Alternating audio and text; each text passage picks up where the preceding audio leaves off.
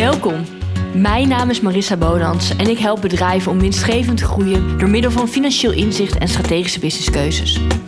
In deze podcast neem ik je mee in mijn winstgevende tips, mijn eigen ondernemersverhaal en interview ik inspirerende merken in hun weg naar winstgevende groei.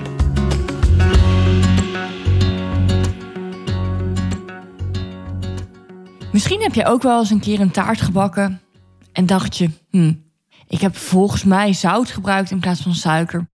Niet te eten, heel vervelend. Tijd in geïnvesteerd, moeite in geïnvesteerd, liefde in geïnvesteerd, de ingrediënten zelf in geïnvesteerd. Maar niks in je denkt, nou, dan eten we maar een taart met zout op. En precies dit principe doen we eigenlijk wel in onze business. Het houdt ons tegen. Als we slechte investeringen hebben gedaan, of nou, wat is slechte investeringen? Misschien kan je er nog wat leergeld uithalen. Denken we daarna, ja, dan moet ik het toch maar gaan gebruiken. Want ja, nu heb ik het al betaald. Of het weerhoudt je ervan om nieuwe investeringen te doen, andere investeringen te doen en weer verder te groeien. En als we weer even teruggaan naar het voorbeeld van de taart, is het eigenlijk gek. Jij had daar zout in gedaan in plaats van suiker. Over een paar uh, uur staat er visite voor de stoep en je wil goed voor de dag komen. Nou, ik weet zeker dat je of een nieuwe taart gaat bakken, of misschien wel een kant-en-klare taart uh, koopt, naar de supermarkt gaat, naar de bakkerij gaat of wat dan ook. Je doet een nieuwe investering, ongeacht dat je de tijd en moeite en geld al hebt geïnvesteerd in de vorige variant. Want je kunt er niks meer aan veranderen. Je kunt het zout niet uit de taart halen en er suiker uh, aan toevoegen. En dit principe van, we noemen het ook wel sunk cost, uh, verzonken kosten, als dit volgens mij een term die je eigenlijk niet echt hoort te vertalen van het Engels naar het Nederlands, want verzonken kosten klinkt heel weird, is wat we in de business wel vaak doen. Dat we eigenlijk onze huidige beslissingen laten leiden door events, door keuzes, door investeringen uit het verleden, door tijd die we hebben geïnvesteerd, moeite die we hebben geïnvesteerd, geld die we hebben geïnvesteerd, teleurstellingen, dat we daar eigenlijk onze toekomstige beslissingen op baseren. En ergens dient je dat niet. De aanleiding van dit onderwerp is niet omdat ik zout heb gedaan in de taart, al had dat in mijn geval misschien wel gekund, maar is eigenlijk de aanleiding van een gesprek wat ik met een potentiële klant afgelopen week uh, voerde. En zei ja, ik heb eigenlijk eerder uh, geïnvesteerd in uh, coaching. Ik heb eerder geïnvesteerd in financiële coaching ook. Ik heb eerder geïnvesteerd in heel veel business coaches. Maar eigenlijk, ja, heeft me dat helemaal niks opgeleverd. Nou, nu denk ik dat we dat ten eerste wat kunnen nuanceren. Omdat ik erin geloof dat je dat eigenlijk elke investering je wel ergens iets brengt. En het vaak ook is van oké, hoe sta je er zelf in en hoe erg haal je de kennis, haal je de informatie. Maar laten we er even vooruit vanuit gaan dat je inderdaad investeringen hebt gedaan in je business waarvan je denkt, hmm, bah, hier baal ik van. Hier heb ik eigenlijk niks aan gehad. Hmm, als ik de tijd kon terugdraaien, dan had ik het volledig anders gedaan. En die hebben we eigenlijk allemaal wel gehad. Ook als ik naar mezelf kijk. Ik, ik heb ook vrij veel geïnvesteerd in coaching. En de enige, ene denk ik, nou, je had me tien keer zoveel mogen vragen. En ik was helemaal jubeljuich geweest. En de andere denk ik van, ja, ja, dat was het eigenlijk niet helemaal waard. Maar zo is het ook met eh, VA's geweest. Zo is het ook met advertentiebureaus geweest. Ja, zo is het eigenlijk met heel veel dingen geweest. Dat ik denk, hmm, had ik liever anders aangepakt en je toekomstige investeringsbeslissingen laten afhangen door beslissingen in het verleden, dient je niet en kost je eigenlijk twee keer zoveel. Ga ik je uitleggen. Kleine disclaimer.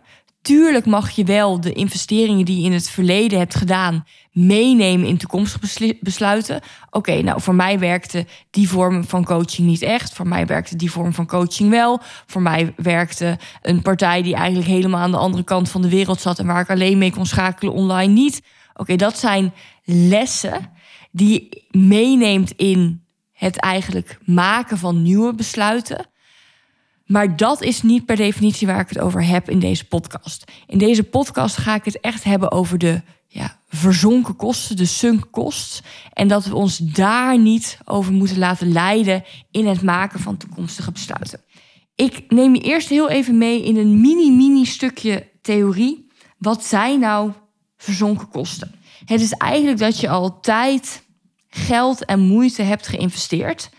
En de investering heeft je niet opgeleverd wat je zou willen.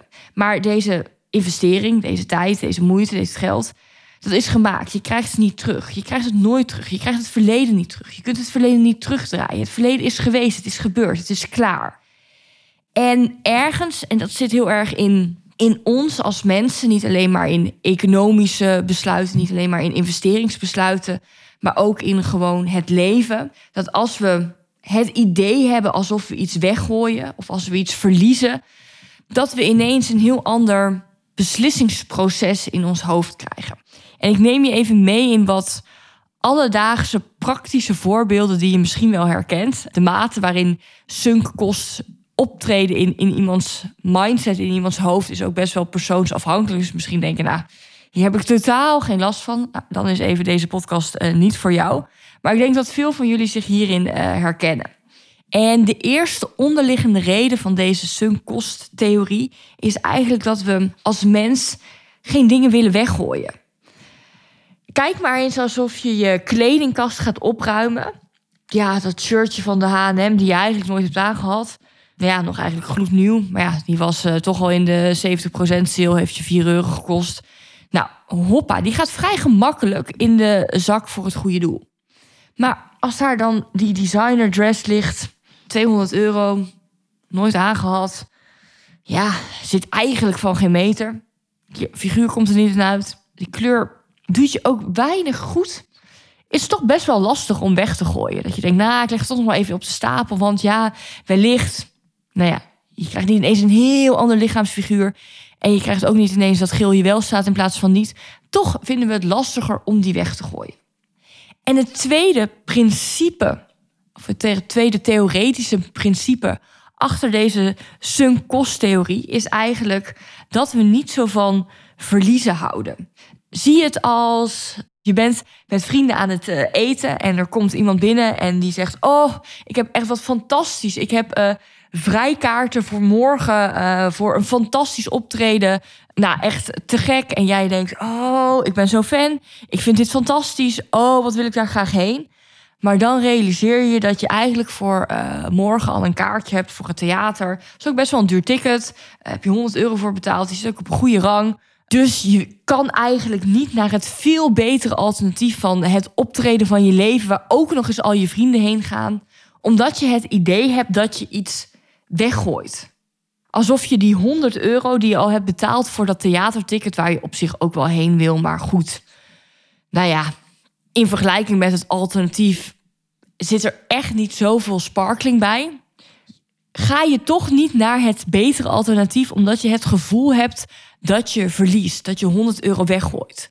En in dit voorbeeld, de vrijkaarten waar uh, degene in de, in, de, in de kamer mee binnenkomt, nou, dat zijn vrijkaarten, dus die zijn gratis. Dus het is ook niet dat je meer moet gaan betalen voor een leuke avond. Het is, je bent sowieso 100 euro kwijt, maar toch kiezen veel mensen het alternatief wat eigenlijk wat minder leuk is, omdat ze daar nou eenmaal al voor hebben betaald en omdat ze niet willen verliezen. En deze twee principes, dus je vindt het lastig om dingen weg te doen en je houdt niet van verliezen, zijn eigenlijk de reden waarom we in onze gedachtegang, in ons gedachtepatroon, in het maken van keuzes lijden, en zo kan ik het wel zeggen, lijden onder de verzonken kostentheorie, onder die sunk costs omdat we dus bij het maken van een nieuwe investeringsbeslissing heel erg blijven hangen in het verleden. Ja, oké, maar toen heb ik al een investering gedaan en die heeft me niet zoveel opgebracht. Oké, maar toen ben ik eigenlijk richting pad A gegaan. Ik wilde eerst uh, opschalen via online programma's.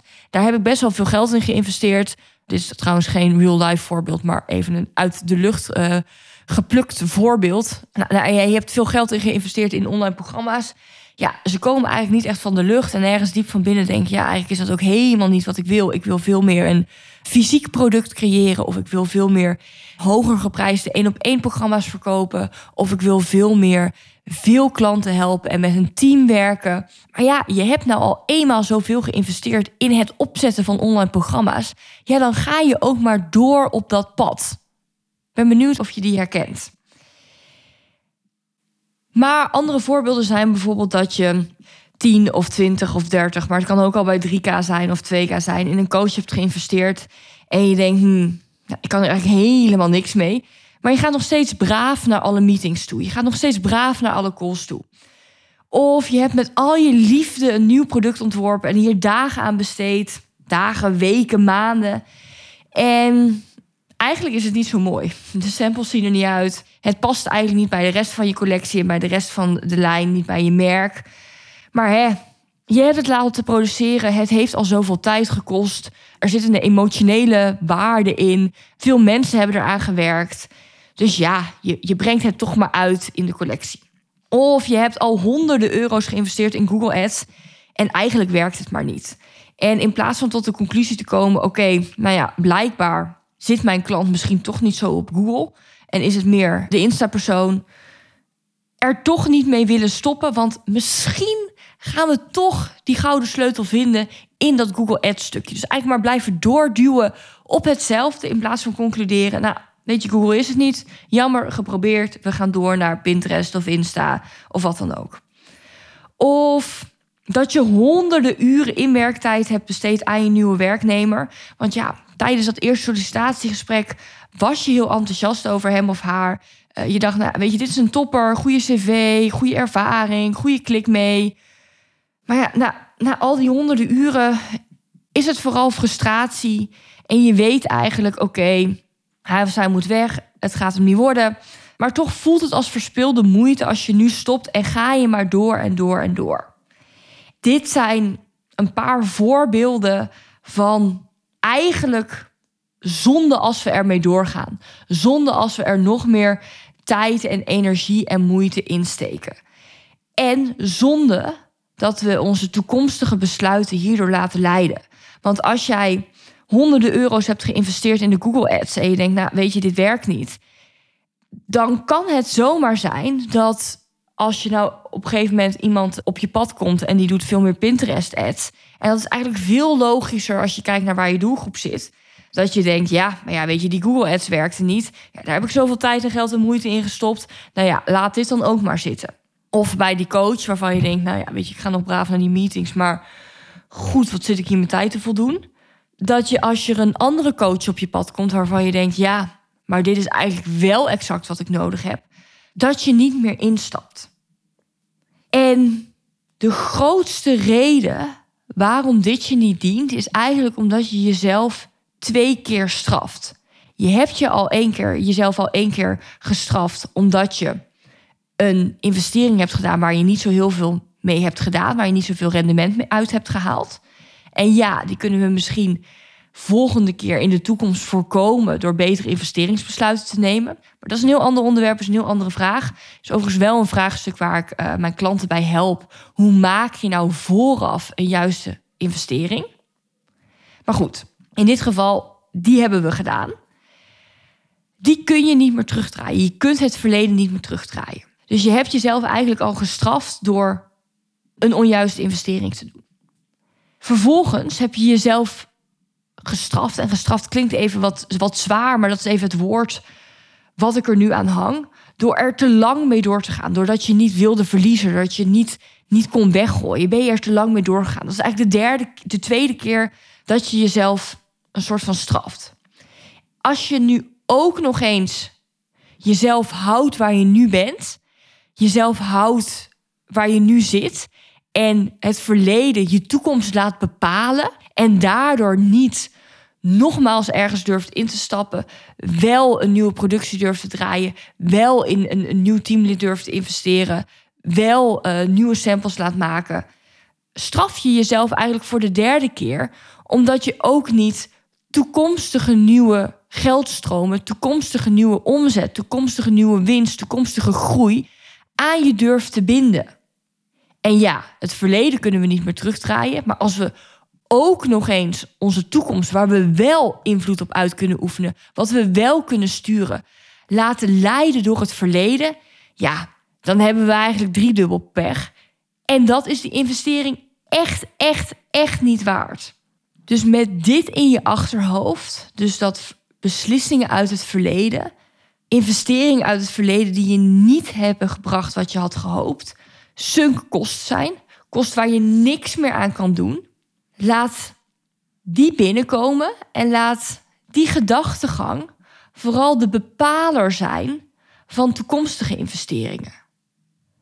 Dus hoe kunnen we zorgen dat het verleden niet ook nog eens impact heeft op de toekomstige winst uit de toekomst?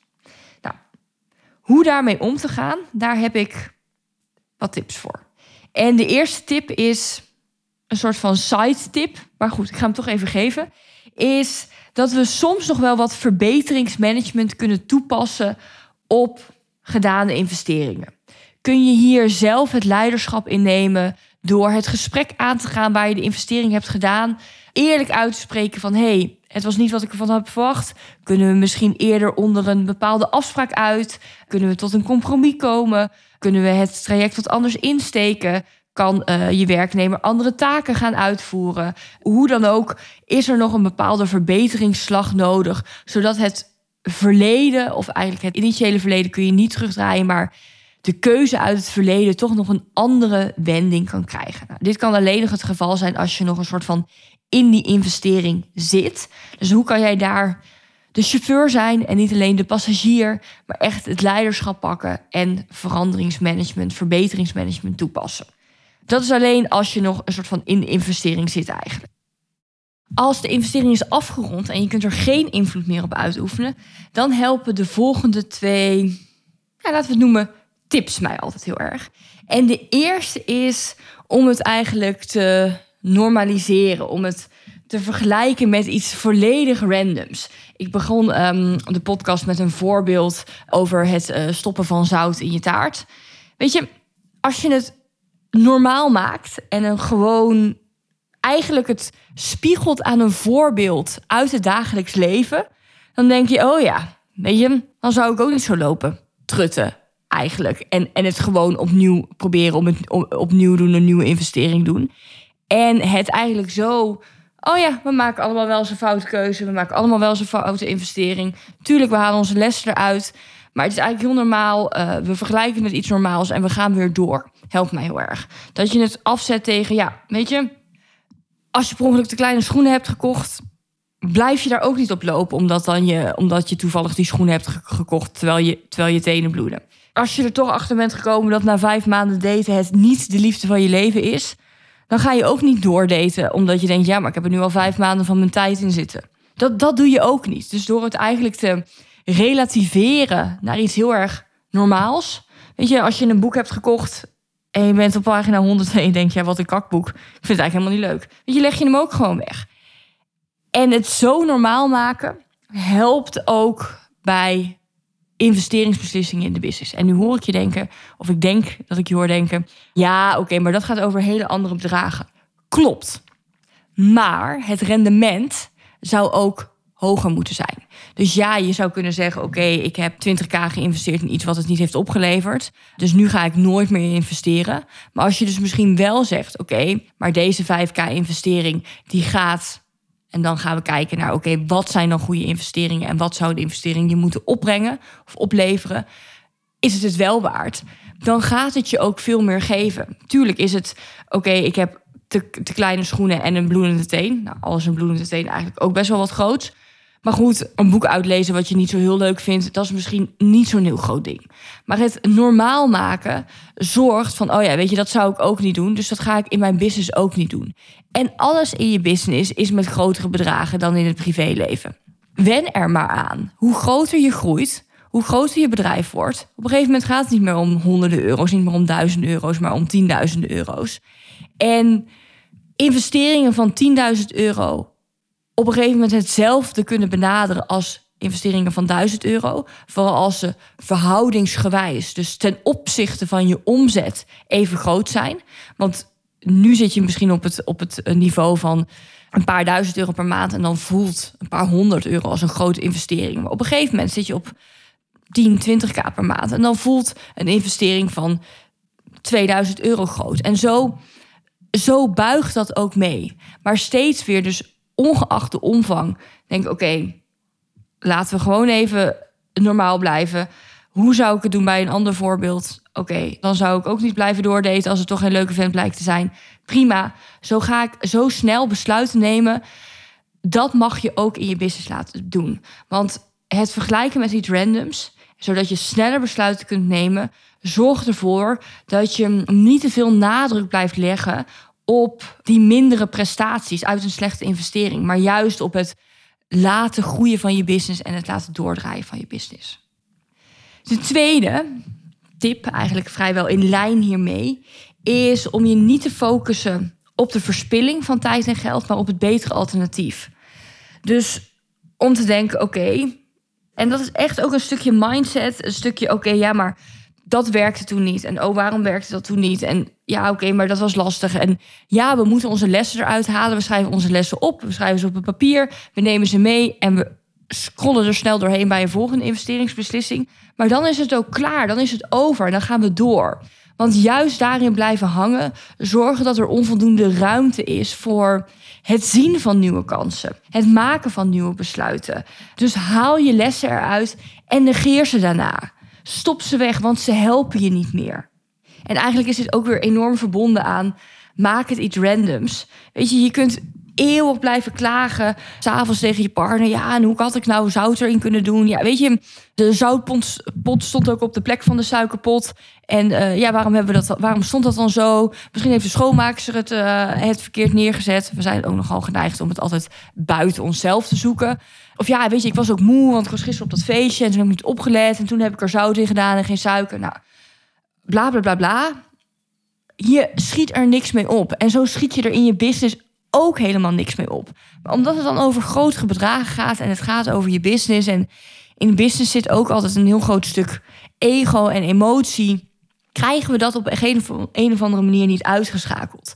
Maar als je het weet, oké, het dient me niet om erin te blijven hangen. Het dient me wel om er de lessen uit te halen en ze vooral daarna te negeren, want ik kan er niks meer aan doen het te relativeren met iets simpels uit het dagelijks leven. En vooral je te focussen op: oké, maar waar kan ik nog wel invloed op uitoefenen? Op de toekomst. Oké, welke besluiten die ik vandaag kan maken, helpen me om in de toekomst meer omzet te genereren, om in de toekomst een fijner bedrijf te bouwen, om in de toekomst om in het nu meer omzet en winst te genereren. En je daarop focussen, dat is wat je wel helpt. Ik hoop dat jij deze podcast luistert als je op het moment staat om eigenlijk nee te zeggen tegen een nieuwe investering die je heel erg zou dienen qua extra omzet, qua extra winst, qua groei, qua focus, qua rust, qua eigenlijk het bouwen van je droombedrijf, dan hoop ik dat je dit op het, eh, op het juiste moment uh, hoort. Wil je nou meer weten over, oké, maar welke investeringen zijn dan goed en welke niet? Dat is namelijk niet zo zwart-wit, maar ligt heel erg aan de, onder andere aan de fase in je business. Ik vergelijk dat ook wel eens met zo'n um, Mikado set met allemaal van die stokjes, waar je er steeds één van af moet pakken en je pakt de bovenste en niet de onderste. Omdat het anders niet werkt omdat het anders het, het, spel over is. Dus welke investering maak je nou in welke fase? Hoe, hoe bereken je bijvoorbeeld de terugverdientijd van een investering of wat de terugverdientijd zou moeten zijn, zodat een investering rendabel is? Welke overwegingen maak je? Nou, dat zijn vraagstukken waar ik uh, mijn klanten ook mee help. Wil je daar meer over weten? Neem voor rust een kijkje op mijn website www.marissabonans.nl of volg me op Instagram en dat is marissa.bonans. En dan wens ik je een hele fijne dag en uh, spreek je bij de volgende podcast. Vond jij deze aflevering nou waardevol en wil jij ook winstgevend groeien met jouw bedrijf?